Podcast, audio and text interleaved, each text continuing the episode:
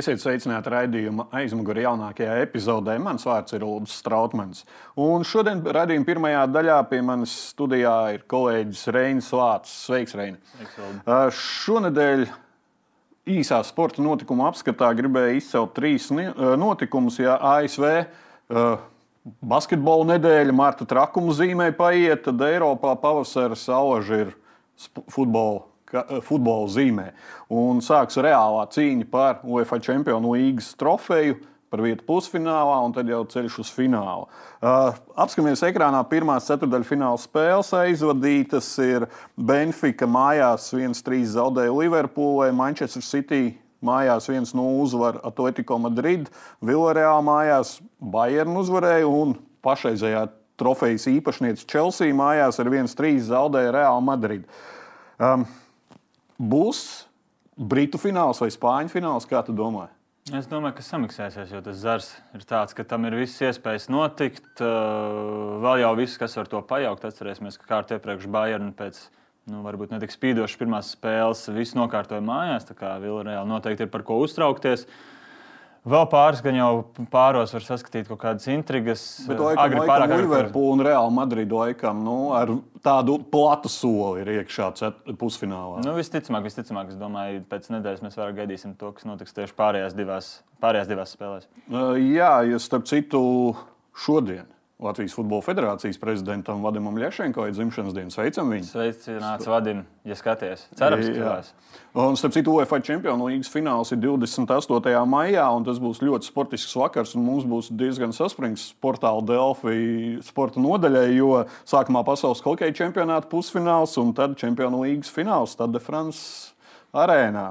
Gaidīsim maiju. Uh, otra lieta šonadēļ, ko apspriežam, tas ir Latvijas hokeja čempionāta fināls. Un, uh, sākās fināla sērija līdz četrām uzvarām starp Zemgali, Latvijas Lauksaimniecības Universitāti un Olimpu. Uh, Venta 2002 komandām. Apskatāmies uz ekrāna pirmo spēļu rezultāti. Pirmajā diezgan pārliecinoši Zemgale ar 5-0, bet otrā spēle jau bija asumiem bagāta un intriga bija. Jā, es dzirdēju tādu interesantu viedokli, teoriju, ka var zināms paralēls vilkt ar HK Rīga 2000 ASK ogru fināla sēriju. Savulaik tāda bija. Laikam, diezgan rūpīgi. Publikas acīs tā ir uzņēmusi varbūt tādu varbūt krasu kontrastu starp komandām. Jaunie puiši ar diezgan eh, nepieredzējušu sastāvu, varbūt var teikt tā, var vairākiem spēlētājiem pret tādiem pieredzējušiem hokeistiem, kur laikam pavisam nekautrējas uzņemties tādu aso veču lomu, vairākiem tur ap 40 gadi, vairāk spēlējuši ilgāk Latvijas ilsē, pāri pat. Tā kā, nu, tas, laikam, interesantākais, ka divas tādas pēc komplektācijas visam atšķirīgas komandas finālā. Bet, ja ņemam arī pēc uzvārdiem, tad uh, diezgan patīkami gan uz soliņa redzēt, treneru soliņu, teiksim, jā, un arī laukumā redzēt, jo tie Latvijas hokeja lielie vārdi tādi. Nu, mūsu, mūsu vietējā lielā vārda, teiksim tā. Domāju, varbūt kādam asociējas lielā vārda ar tiem, kas spēlē NHL, bet uh, jā, skaidrs, jā, jā, jā, Latvijas hokeja. Jā, Latvijas jā, jā. hokeja čempionātam, es domāju, pēc tādas uh, parastā cilvēku uzrunāšanas viedokļa šis noteikti bijis veiksmīgs uh, gads. Jā, starp citu, paskatīsimies uz ekrānu. Viena no tēmām, kas mums saskarsies ar raidījumu otro daļu, sportisti un sporta ētiku un attiecības ar žurnālistiem un Aleksējs Širokovs. Aleksējs Širokovs pēc otrā perioda man blakus. Aleksej, kas jums nesanāk tavuprāt šajā spēlē? Nu, manuprāt, man, mums viss sanāk. To, kas, tas, kas ir uz tablo, tas ir tāda, kā pateikt, tas pats, kas notiek mēdījos. Tur ir viens, tas spēle pavisam savādāk. Tā kā es nedomāju, ka mums kaut kas nesanāk. Aleksējs Širokovs. Ļoti pēc... interesanti, ka pārvērtās, kā kolēģi norādīja, ka hokejs pārvēršas par mēdīju ekspertu. Un interesantākais, ka viņš šajā brīdī komandu zaudēja jau 0-5. Jā, pēc otrā perioda nu, es varu norādīt, laikam, klausītājiem, skatītājiem, portāls Delfa arī mēģināja sazināties un sazinājās ar Aleksēju Širokovu. Publiski izteikties viņš negribēja. Redzu, ka liela daļa internetā jau pieņēmuši, ko viņš vēlējies pateikt. Uh, Nu, acīm redzot, viņi var pēc šāda pieņēmuma dzīvot, un tā arī tie vārdi karāsies gaisā. Varbūt tas arī kaut kādā mērogā es pieņemu, tā skatoties, ko cilvēku uzskata. Nostāda autoriju par labu zemgalē, jo nu, tāda nekonkrēta izteikuma bez īsta kaut kāda paskaidrojuma. Tas simpātijas līdzjutēji un arī tribīnēs līdz ar to. Nu, jā, redzēsim, kas notiks. Starp citu, Rīgā interesanti, ka divās dažādās halēs uh, Olimpija aizdīs mājas spēles zemgalē. Skaidrs, viņi pārstāv konkrētu pilsētu. Spēlē Jālgavā vispār hokejs pietiekami populārs, tāpēc nu, tur pietiekami bieži bijusi laba atmosfēra.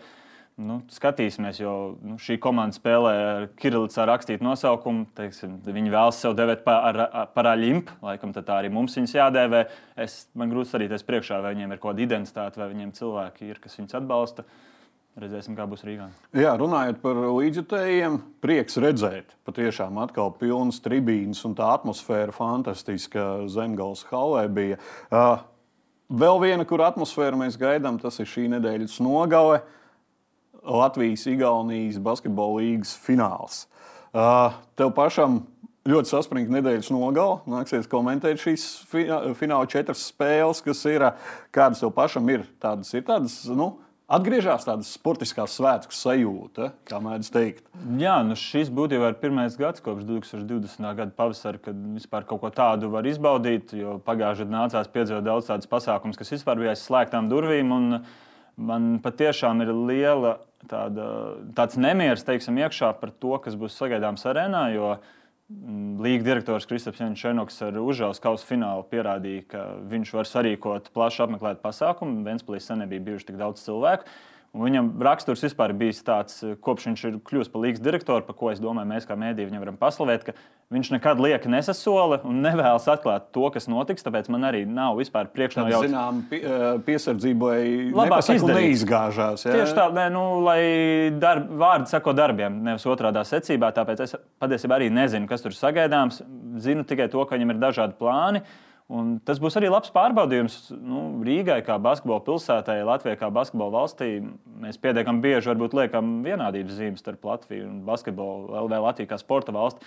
Bet ir, ārpus izlasēm ir pagājis pietiekami ilgs laiks, kopš Rīga ir vispār piepildījusi kādu, kādu halli ar cilvēkiem. Parocīgs notikums, parocīga, parocīgs pavasaris. Uh, kad cilvēki var atgriezties atpakaļ eh, iekštelpās. Tā kā vērosim, es patiešām tādā ziņā man ir ļoti, ļoti liels gaids. Uh, tu teici, Janiņš Ēnukam slavas vārdus un ka patiešām labi organizē. Man gan viens tāds akmentiņš ir, varbūt tas ir kopējai līgai akmentiņš, ne tikai mūsu pusē, ka uh, Latvijas komanda duels ir pirmais, nevis saldējā ēdienā pusfinālā kā otrais. Jā. Bet, nu, skatīsimies. Jā. Es, labs jautājums. Es, es atklāti sakot, nezinu, kāda ir atbilde. Varbūt tur ir televīzijai loma, jo starp citu televīzijai arī svētdien nu, divas basketbola spēles pēc kārtas vakarā hokejs. Viņiem arī ir ļoti piesātināts grafiks, tā kā cilvēki varēs sēdēt pie saviem, saviem divāniem. Jā, būs slikts laiks. Bet no otras puses skatāmies, es aizdomājos par to, ka Igaunijas komandas sestdien spēlēs septiņos vakarā. Tā, kura zaudēs, tā pat trešo vietu cīnīsies pulkstenis 14. Tā kā no šīs perspektīvas, nu, vismaz bronzas spēlē Latvijas komandai būs kaut kāds pluss Bet nu, redzēsim, kāds laukumais ir. Jā, atgriežamies pie pārējiem, pie sportiskās puses. Eh, VF Rīga, Ogre pusfināls, uh, mazais Latvijas fināls jau. Pavisam noteikti. Nu, Kas notiks Latvijas basketbola līgā? Es nezinu, nē, pag... nē, es runāju par Latvijas basketbola līnijas finālu. Ir tāds jau uh, kaut kāda ģenerāla mēģinājums, kā tu domā? Es, es nevēlētos ierakstīt ogru uzreiz jau finālā. VF cits stāsts, viņam arī mazliet vieglāks zars. Bet pagājušā gada sērijas starp Vēnspilsnu un Nogru bija patiešām ļoti baudāma. Šķiet, lielākajai daļai cilvēku tā pagāja garām pandēmijas dēļ. dēļ jā.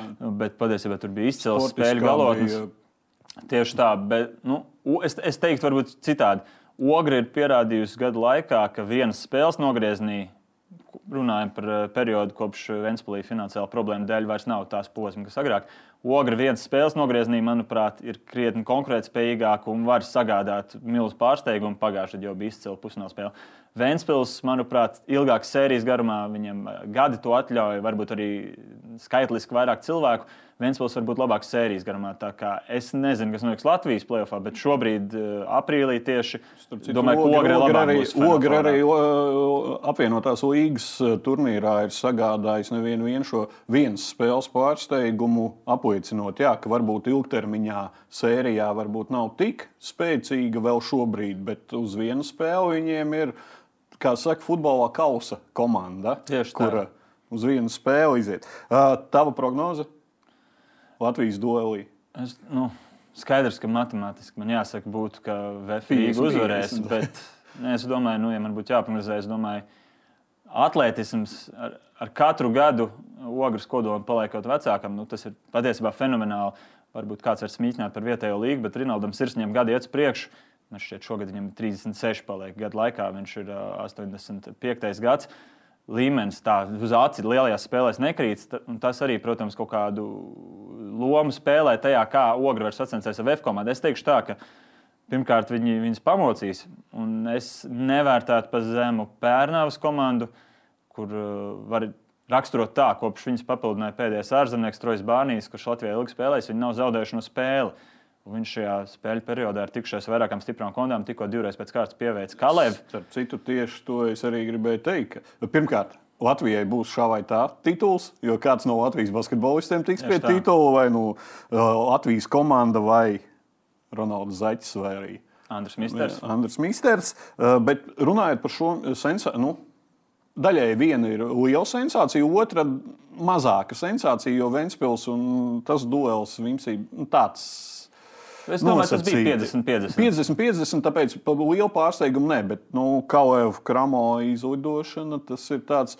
Un tāpēc jautājums, vai Štelmachers un Aksels Vairogs turpinās darbu Igaunijā, kā domā? Nu, līdz sezonas beigām, domāju, viņi turpinās, jo gluži vienkārši aprīlī nav, nav piemērots laiks atrast jaunu treneru lielākā daļa. Vai nu tad ir es domāju, pieņēmuši, ka viņam šī sezona beidzas un viņi gaida vasaru, tad runās komandām. Vai arī nu, to būtu jāpaukstina asistents. Es domāju, tas būtu arī tāds netradicionāls variants. Bet pieskaroties šai sērijai, es uzsvēršu, bija viens cilvēks, es negribu viņu nosaukt vārdā, bet bija viens cilvēks Latvijas basketbola vidē. Zinu, kā tas būtu varbūt arī aizvainojuši kādam, ja viņi uzzinātu, ka Latvijā kāds tā uzskatīja, jo tomēr Kalevs Kramo ir vairāk latviešu basketbolistu un treneru pārstāvēt. Bija viens cilvēks, kurš man pirms vairākiem mēnešiem teica, ja viņi satiksies ar Pērnu, Pērnu uzvarēs. Ja mēs paskatāmies uz uh, fonu un regulārās sezonas mačiem, tur bija viens, viens bilants. Es teiktu, ka Pērnau bija kaut kāds nērtais. Pilnībā noteikti nērtais pretinieks. pretinieks. Arī vakar sanāca aprunāties ar Andru Misteru tā ilgāk, un viņš pats to neslēp. Viņi arī komandā izjūta tādu pacēlumu pēc šīm spēlēm. Viņi mājās zaudēja pa vienu punktu un uzskatīja, ka tur arī bija jāuzvar, ka viņi, viņiem varbūt, neteiksim, ka Kalev bija klienti, bet ka viņi bija gatavi viņus uzvarēt. Un es domāju, šādā ziņā, ja kāds meklē intrigu, Pērnavas komanda patiešām uz Final Four brauc gatava uzvarēt zeltu. Tas noteikti šajā gadījumā nav tā, ka ir VF un vēl trīs komandas. Es sagaidu ļoti interesantas spēles. Man tāpat būs vilšanās, ja nebūs cieši mači, jo es domāju, ka tā būtu jānotiek. Paldies, Reini un Latvijas Basketbola Savienības sola divus labus basketbola vakars arēnā Rīga. Cerams, ka Latvijas līdzjutēji un Igaunijas līdzjutēji sabrauks un uztaisīs kārtīgu sporta būs atmosfēru. Es dzirdu, ka būs šāda autobusa. Jā, ceram uz šo fantastisko atmosfēru arēnā Rīga. Uh, Pēc brīža raidījumu turpināsim ar diskusiju par sportā tādu kutelīgo tēmu - sportistu un sporta funkcionāru attieksmi pret mēdīju darbu un sporta žurnālistiem.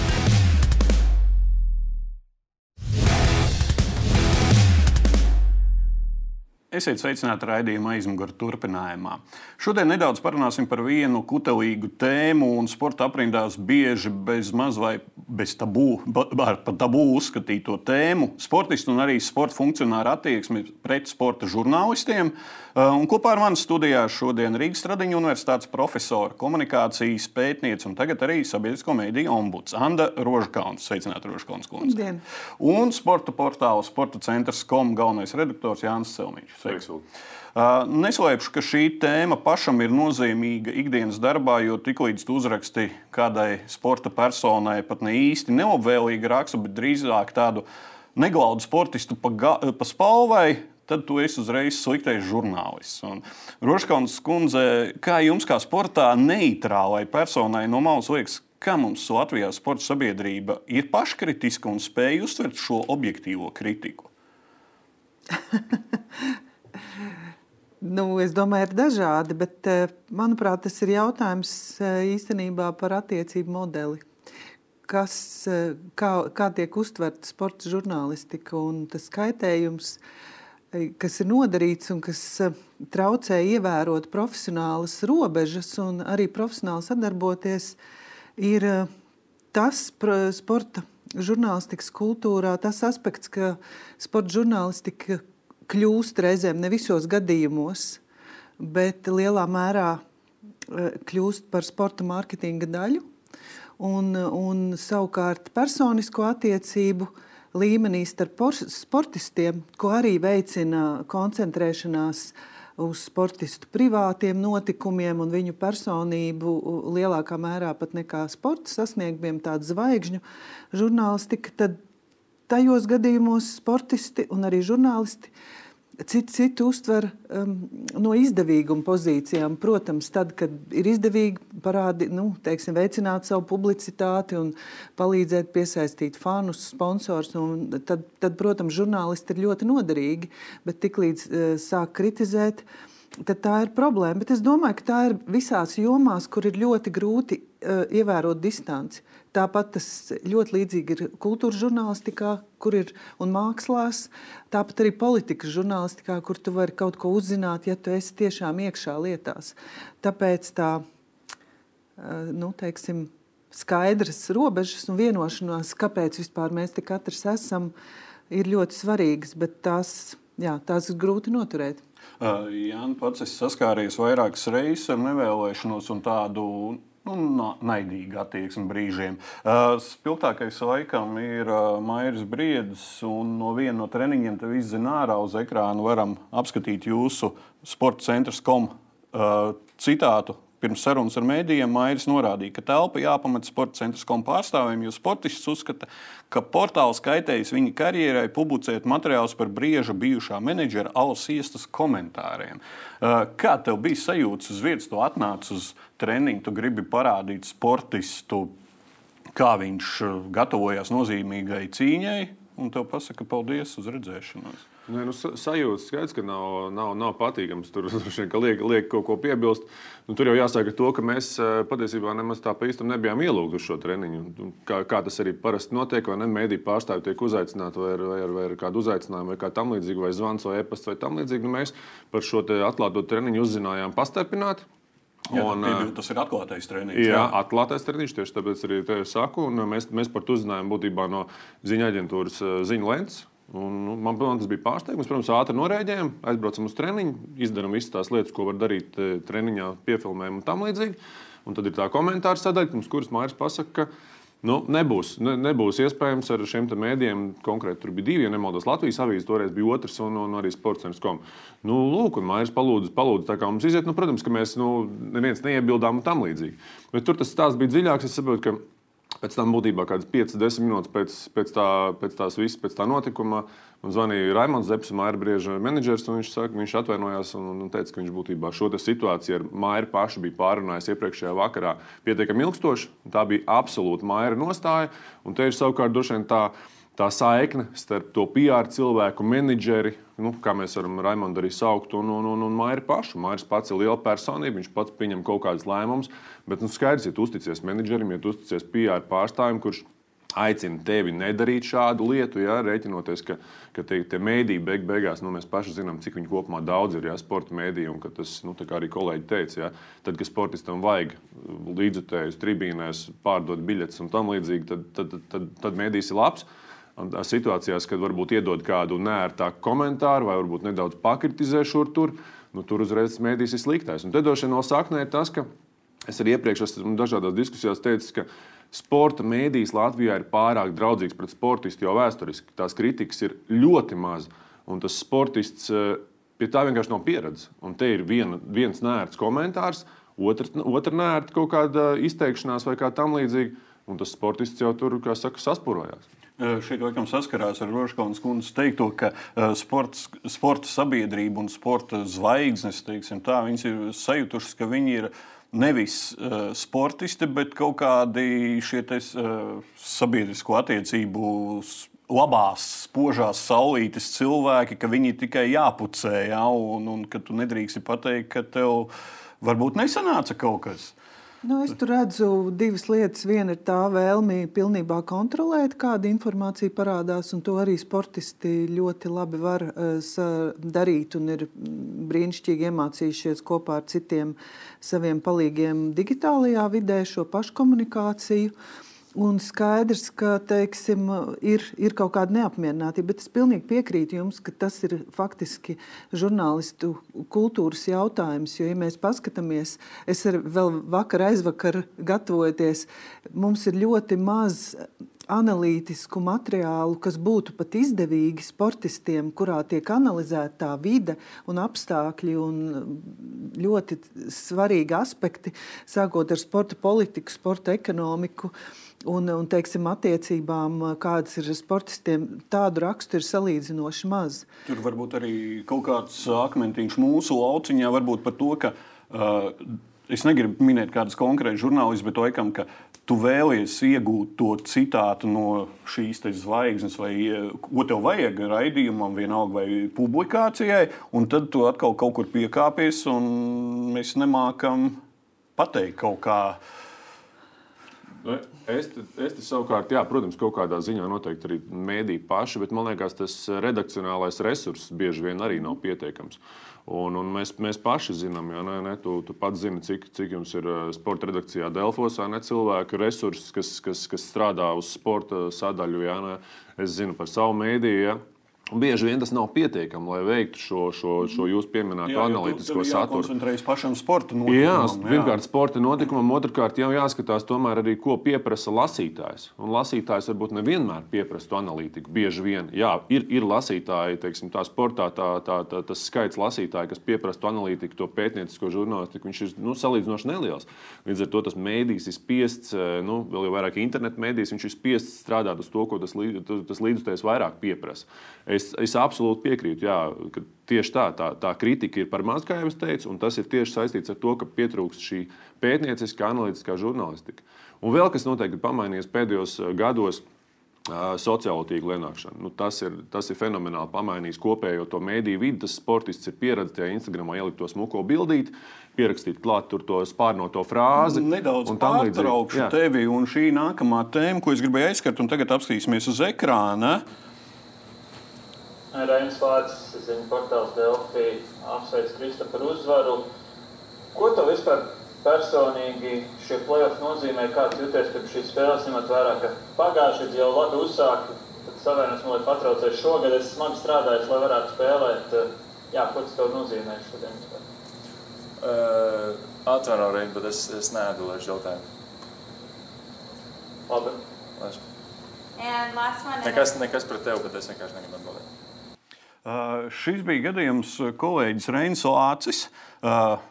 Nu, izsitās cauri vārdu visciešākajā nozīmē. Mēs tikām uz oficiālo preses konferenci. Naktī cilvēks ceļās augšā Latvijas mēdīs. Viņam atļauj, Ziemeļamerikā atļauj uzdot jautājumu latviešu, kas ir nu, diezgan tā jūs novērtēt, es domāju. Ja? Un tad tu saņem šādu jautājumu, nevainīgs vispār. Ja? Un tad tu saņem šādu. Nu, pasūta trīs mājas tālāk. Ja tā var teikt, ja, un nu, tu esi neizpratnē. Pēc tam mēs uzzinājām, izrādās, šeit ir šī dzeltenās preses tēma. Jo nav apmierināts ar to, ka publikācijās uh, ir publikācijas par viņa draugu. Uh, kas, kura publicējās sociālajos tīklos, un, kā tu teici, jā, ir šī sociālā Instagram un vispārējais. Ja? Un izrādās viņš tāpēc, ka raksta kāds žurnālists par šo tēmu, viņš ir apvainojis uz visiem žurnālistiem. Roškauts, kā, kā jūs domājat? Sportistiem visi mēdī ir vienādi, un kā ir nošķirt šo dzelteno presi no profesionālās sporta žurnālistikas?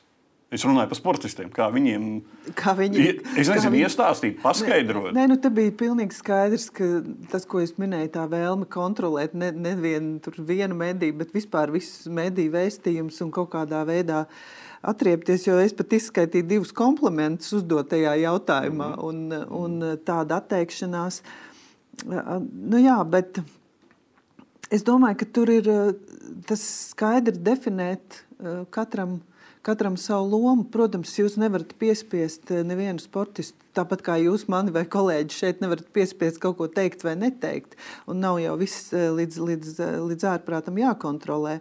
Droši vien, ka tā ir nu, vienošanās arī ar sporta menedžmentu, tomēr ar, ar pašcieņu veidot attiecības medijiem un definēt, kādas, kādas ir tās lomas. Jo ir problēma, tajā jautājumā, ko jūs sakat, atšķirības starp zeltaino mm, vai, vai tādu privātās dzīves žurnālistiku, reizēm tā saplūst arī nu, ziņu žurnālistikā, ka tas fo fokus aiziet tiešām uz, uz sportista kādas personības jautājumiem. Un, ja to var nodalīt, ja to var definēt, tas būtu Sportisti varbūt arī kaut, kā, kaut kādā zināmā mērā tikai virsrakstu līmenī iespējams, jo tās ziņas, par kurām viņš apvainojas, tās ir izklaides sadaļā. Tieši. Jā, jā, jā, bet nu, mēs katrs kādreiz varam apvainoties. Tā ir būtībā tas, kas te notika, bija žurnālistu darba traucēšana. Un tas faktiski ir tā notikuma, tās sporta komandas jautājums, ne tikai viena sportista nu, brīža noskaņojuma vai kaut kāda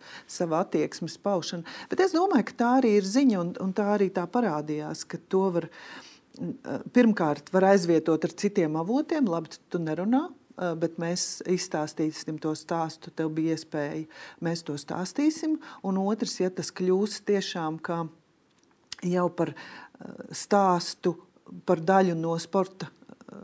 No sporta notikumiem, tad par to var mierīgi stāstīt. Tāpat kā jūs par karu rakstat, to mēs vēl nenoskaidrojam. Tas nav pārbaudāms, tāpat arī šeit. Uh, Nu, ir, ir atsevišķi gadījumi, man liekas, ka sportists vienkārši neizprot to mēdīju darbu kopumā. Un tur man liekas, labi, tas varbūt no Krista Porziņa gadījums, kurš noteikti daudz strādājis, strādājis ar, ar mēdīju izglītošanu un tam līdzīgi, kā runāt ar mēdījiem, kā izturēties pret viņiem un tam līdzīgi. Viņš ir, man liekas, kopumā, ja viņš ir nu, labs piemērs tā globāli, ja mēs skatāmies.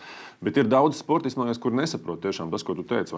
Viens ir izklaides sadaļa, viens ir sporta sadaļa, viens ir varbūt vēl kultūras sadaļa, kur arī sports kādreiz varbūt ietrāpa.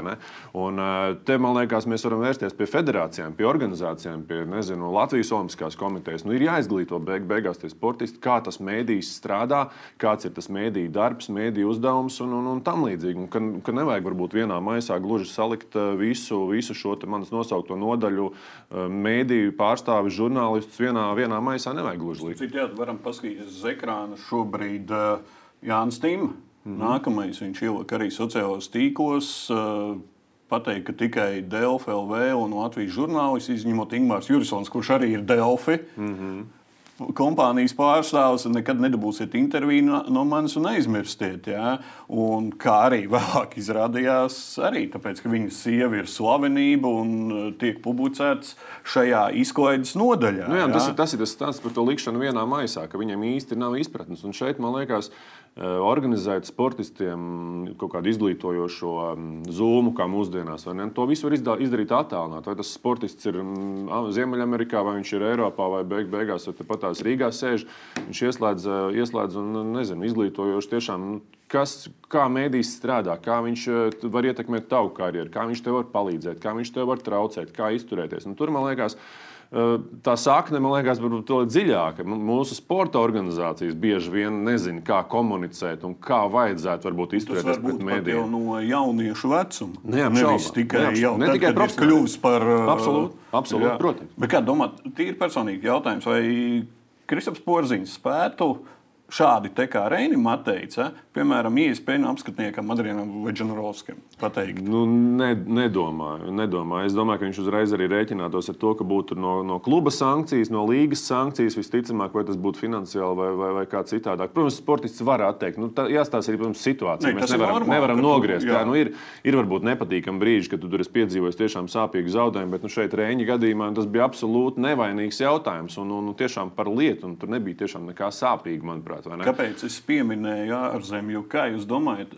mūsu sportisti un arī politiķi, mūsu žurnālistus vietējos liek kaut kādu pakāpi zemāk, bet, ja tu esi piemēram BBC žurnālists vai teiksim, Eurosport vai arī vienalga, nezinu, kāds mēdījis, ja, tad uzreiz jā, jā, jā, jā, tas ir respektabls mēdījis. Nu, es domāju, ka ir dažādi, bet varētu būt tā tendence jautājums, uz ko tas sportists orientējas. Ja viņš, ja viņš to redz kā iespēju starptautiski, un, un tas tiešām ir ļoti ietekmīgs, skaidrs, ka, ka tā neizturēsies. Bet es gribētu arī, nu, lai mūsu saruna neaiziet tādā pārmērīgā, nesabalansētā kritikā sportistiem, es arī piekrītu kolēģim, ka sportists mierīgi var atteikt zeltainam izdevumam teiksim, par savu privāto dzīvi, bet par to, kas ir viņa darbs un kur tiek ieguldīti arī nu, teiksim, atsevišķos gadījumos, kad ir valsts komandas, arī sabiedrības līdzekļi un tā tālāk, tad, protams, viņam jākomunicē. Bet es gribētu uzslavēt, ka, protams, te ir tādi gadījumi, kur nu, arī pēdējais, ko jūs rādījāt Instagram ierakstu, kurš pats sportists slikti izskatās. Bet reāli, teiksim, sekojot ziņām par to, ka veicas vai neveicas, kaut kas ir bijušas cerības un gatavošanās nesenāts, ka, manuprāt, jaun, nu, tādi jaunākās paudzes sportisti ļoti atklāti un brīvi māk runāt par savām neveiksmēm. Man pat patīk, ka tieši šu, sporta žurnālistika ir tā retā žurnālistikas joma, kurā tiek akceptēta kļūdas, neveiksmes, ka tas ir veids, kā vispār tā joma notiek un ka tas ir normāli. Ka tu apdomā savu neveiksmi, savu problēmu, un tu ej tālāk, mēģini to risināt. Tas nav tā, ka viens nepareizs solis, kā citās jomās, tur biznesa žurnālistikā reizēm vai sevišķi politikā, tevi vienkārši norok kā, nezinu, kā cilvēku, kas tajā darbojas. Tas, man, manuprāt, tas ir eh, pozitīvi, un, un to arī māca žurnālisti parādīt. Jā, bet atgriežoties jā. nedaudz pie kritikas, jā. Ja, jo mēs jā. vairāk apspriežam šos gadījumus, kā ar tiem cīnīties. Volejbola federācijā pirms vairākiem gadiem žurnālisti vispār negribēja ielaist uz kongresu. Tur nācās iejaukties ar sporta vadību. Jā. Tad šie publiskie treniņi, jā, nu šobrīd es, man ir ļoti liels problēmas dabūt vispār komentāru nerunājot par kādu jautājumu, vispār kādu komentāru no Futbola federācijas, jo es atļāvos kritizēt viņus. Ja. Uh, NHL klubs. Uh, Vašingtonas kapitāls savulaik ielika melnajā sarakstā. Tagad viņš Ziemeļamerikā ļoti populārs sociālajos tīklos, tāds uh, Slava Malamuts un krievu izcelsmes žurnālists. Uh, bet jautājums ir tāds, kādas ir mēdī iespējas cīnīties pret šādiem gadījumiem, kad tevi nelaiž treniņā, nelaiž uh, preses konferencē, Kādas ir vispār mēdīs? Nerunāju par sporta mēdījiem, bet vispār kādas ir iespējas sevi nu, veikt savu darbu? Jo īsti, teiksim, piespiest kādu tādas nav. Tā ir brīva. Salī, jo, nu, teiksim, ja, ja runa nav par amatpersonām, tad tā ir brīva vienošanās, kur abas puses saprot katras, katras pienākums un uzdevums. Un varbūt ka labi, ka tā, ka nevajag visu tik ļoti uh, Eh, tik ļoti mm, arī kontrolēt, bet teiksim, tādos ļoti sarežģītos konfliktos, kur eh, ir, nu, kā jūs sakat, mm, teiksim, profesionāli veikt, eh, darba veikšana ir apgrūtināta. Es domāju, ka varētu vērsties Latvijas mediju ētikas padomē, kas ir uh, kas ir nu, teiksim, komercmediju un citu mediju izveidota organizācija. Es kopš dibināšanas arī man ir bijis tas gods eh, mācīties, vispār saprast, kā tas darbojas, ka varētu eh, nu, teiksim, lūgt viedokli, skatījumu teiks, nevienmēr tas ir pārkāpums, bet mēs arī kopā ar kolēģiem esam nu, ļoti pamatīgi sprieduši un domājuši, kā, kā risināt šos jautājumus, lai, lai sabiedrība saprastu, kas notiek. Bet ikdienā es domāju, tas ir atklāti stāstīt par to gan, gan savā medijā, gan iet pie, pie šiem federāciju pārstāvjiem un teikt, ka tas ir mūsu darbs. Eh, jums izsakot, kā jūs strādājat, un, un viss, jūs, tur, jūs to esat izvēlējušies. Bet no otras puses, tagad eh, jautājums, jūs esat ilgi šajā arī ētikas padomē, eh, ētikas jautājumos. Cik ir sportisti un sporta federācijas vērsušies ar nepatiesiem apgalvojumiem, nu, vērsušies, ka žurnālisti ir nepatiesi viņus apmelojuši, kaut kādi no. izteicieni? Uh, Es nevaru uzreiz atcerēties. Pārsvarā ir, ir vairāk, kur kādam aizskarts privātas e, intereses vai uzņēmējdarbība intereses. Sports žurnālistika nav, nav populāra tēma mediētikas padomē. Šeit, šeit atkal tāds paradoks, Jāni, iznāk, ka uh, Pa mums nesūdzās, bet uz tevi apvainojās. Nu, jā, nu, tāds... nu, nu, sporta žurnālists nav nekāds zvērs. Nu, to man liekas, ir jāsaprot visiem, visiem sportistiem. Beig, beigās. Nu, mēs, jau, mēs jau arī nu, gribam nodrošināt šo saikni, šo tiltu starp līdzjutēju un sportistu. Jo, nu, Mums jau arī līdzekļi bieži vien uz redakciju raksta un prasa tur konkrētas kaut kādas lietas, uzrakstiet par šo, noskaidrojiet šo un tam līdzīgi. Viņi jau grib zināt, ja? un tad mēs viņiem atbildam. Un, diemžēl šis cilvēks ar mums jau pāris gadus nerunā vai negrib komunicēt. vai, vai dara to pastarpināti. Ja? Nu, nu, sanāk, nāk, sanāk arī, arī šāda komunikācija. Tam līdz tam jau gribās. Nu, tas sportists ir vienā upes krastā, Un tas, tas, tas līdzstājs ir otrā upes krastā, un tas mēdīs ir tas tilts, kas, kas nodrošina to informāciju. Un, ja, tas, ja, tas, ja tas sportists nav gatavs vai federācija, kā tavā gadījumā, nav gatava komunicēt, nu, tad, tad ko mēs atbildam tam līdzutējiem? Nu, diemžēl. Tu laikam ļoti precīzi noformulēji, ka es teikšu tā, ka sporta sabiedrībā laikam nav šī izpratne par mēdījiem, ka mēs esam šis tilts, jo ja mēs nerakstīsim arī kaut vai par viņu gūtajiem punktiem, nu, viņi taču sabiedrība neuzzinās tautu. Te droši vien ir jautājums arī par tiem tirgiem un par to, cik tas sportists konkrētais, kurš ar tevi nerunā, cik viņš ir liels. Jā. Nu, cik, cik Kristapam Porziņģim ir uh, svarīgs uh, komentārs uh, Delfos sporta centrā vai TVNetā. Nu, viņam droši vien interesē kaut kādi jau lielāki tirgi šajā pozīcijā. Jā. Nu, te gan es gribu varbūt atsaukties uz kaut kādiem pāris piemēriem. Nesaukšu varbūt konkrēts uzvārds, bet ir gadījumi, kad sportists. Uh, Eh, teiksim, tajā, savā sportiskajā karjerā sasniedz kaut kādu top līmeni, un tad viņš ir ar degunu gaisā, un viss viņam ir kārtībā. Viņš runā tikai nu, ar, ar tevis pieminētajiem ārzemju mēdījiem, ja? un tad pēkšņi kaut kā tā karjera viņam tā aiziet uz leju. Un tad viņš kaut kā sāk atrast Ulu Strautmaņa telefonu numuru, Jāņa, Celmiņa telefonu numuru. Viņam pēkšņi nu, kaut ko savaigās? Kad tā karjera jau sāk iet uz leju, ka tās biļetes varbūt tik labi jau vairs netirgo, vai ne? Vai kaut kādu PR relīzīti nopublicēt un tam līdzīgi. Un tie tie gadījumi arī, kas man arī tā, nu, dažbrīd liek, liek teiksim, tā izdarīt kaut kādas secinājumus par vienu vai otru sportistu. Es tāpēc arī konkrēts uzvārdus nesaukšu, bet tie nu, jā, piemēri kad, tiešām ir daudz. Kad tev vajag, tad, jā, jā, tad kad tev tad, vajag, tad, tad, tad mēs tad, esam nāc, labi. Tad mēs esam draugi, jā. Tad, tad, kad, tad, kad man viss ir kārtībā kārtībā, tad nu, čaļi jūs pagaidīsiet. Jā, nu, apmēram tā. Noslēgumā Rožkauns kundze. Kāds ir tas zāles, kā uzlabot šīs attiecības, un lai viss būtu labi gan sportistam, gan mēdījiem?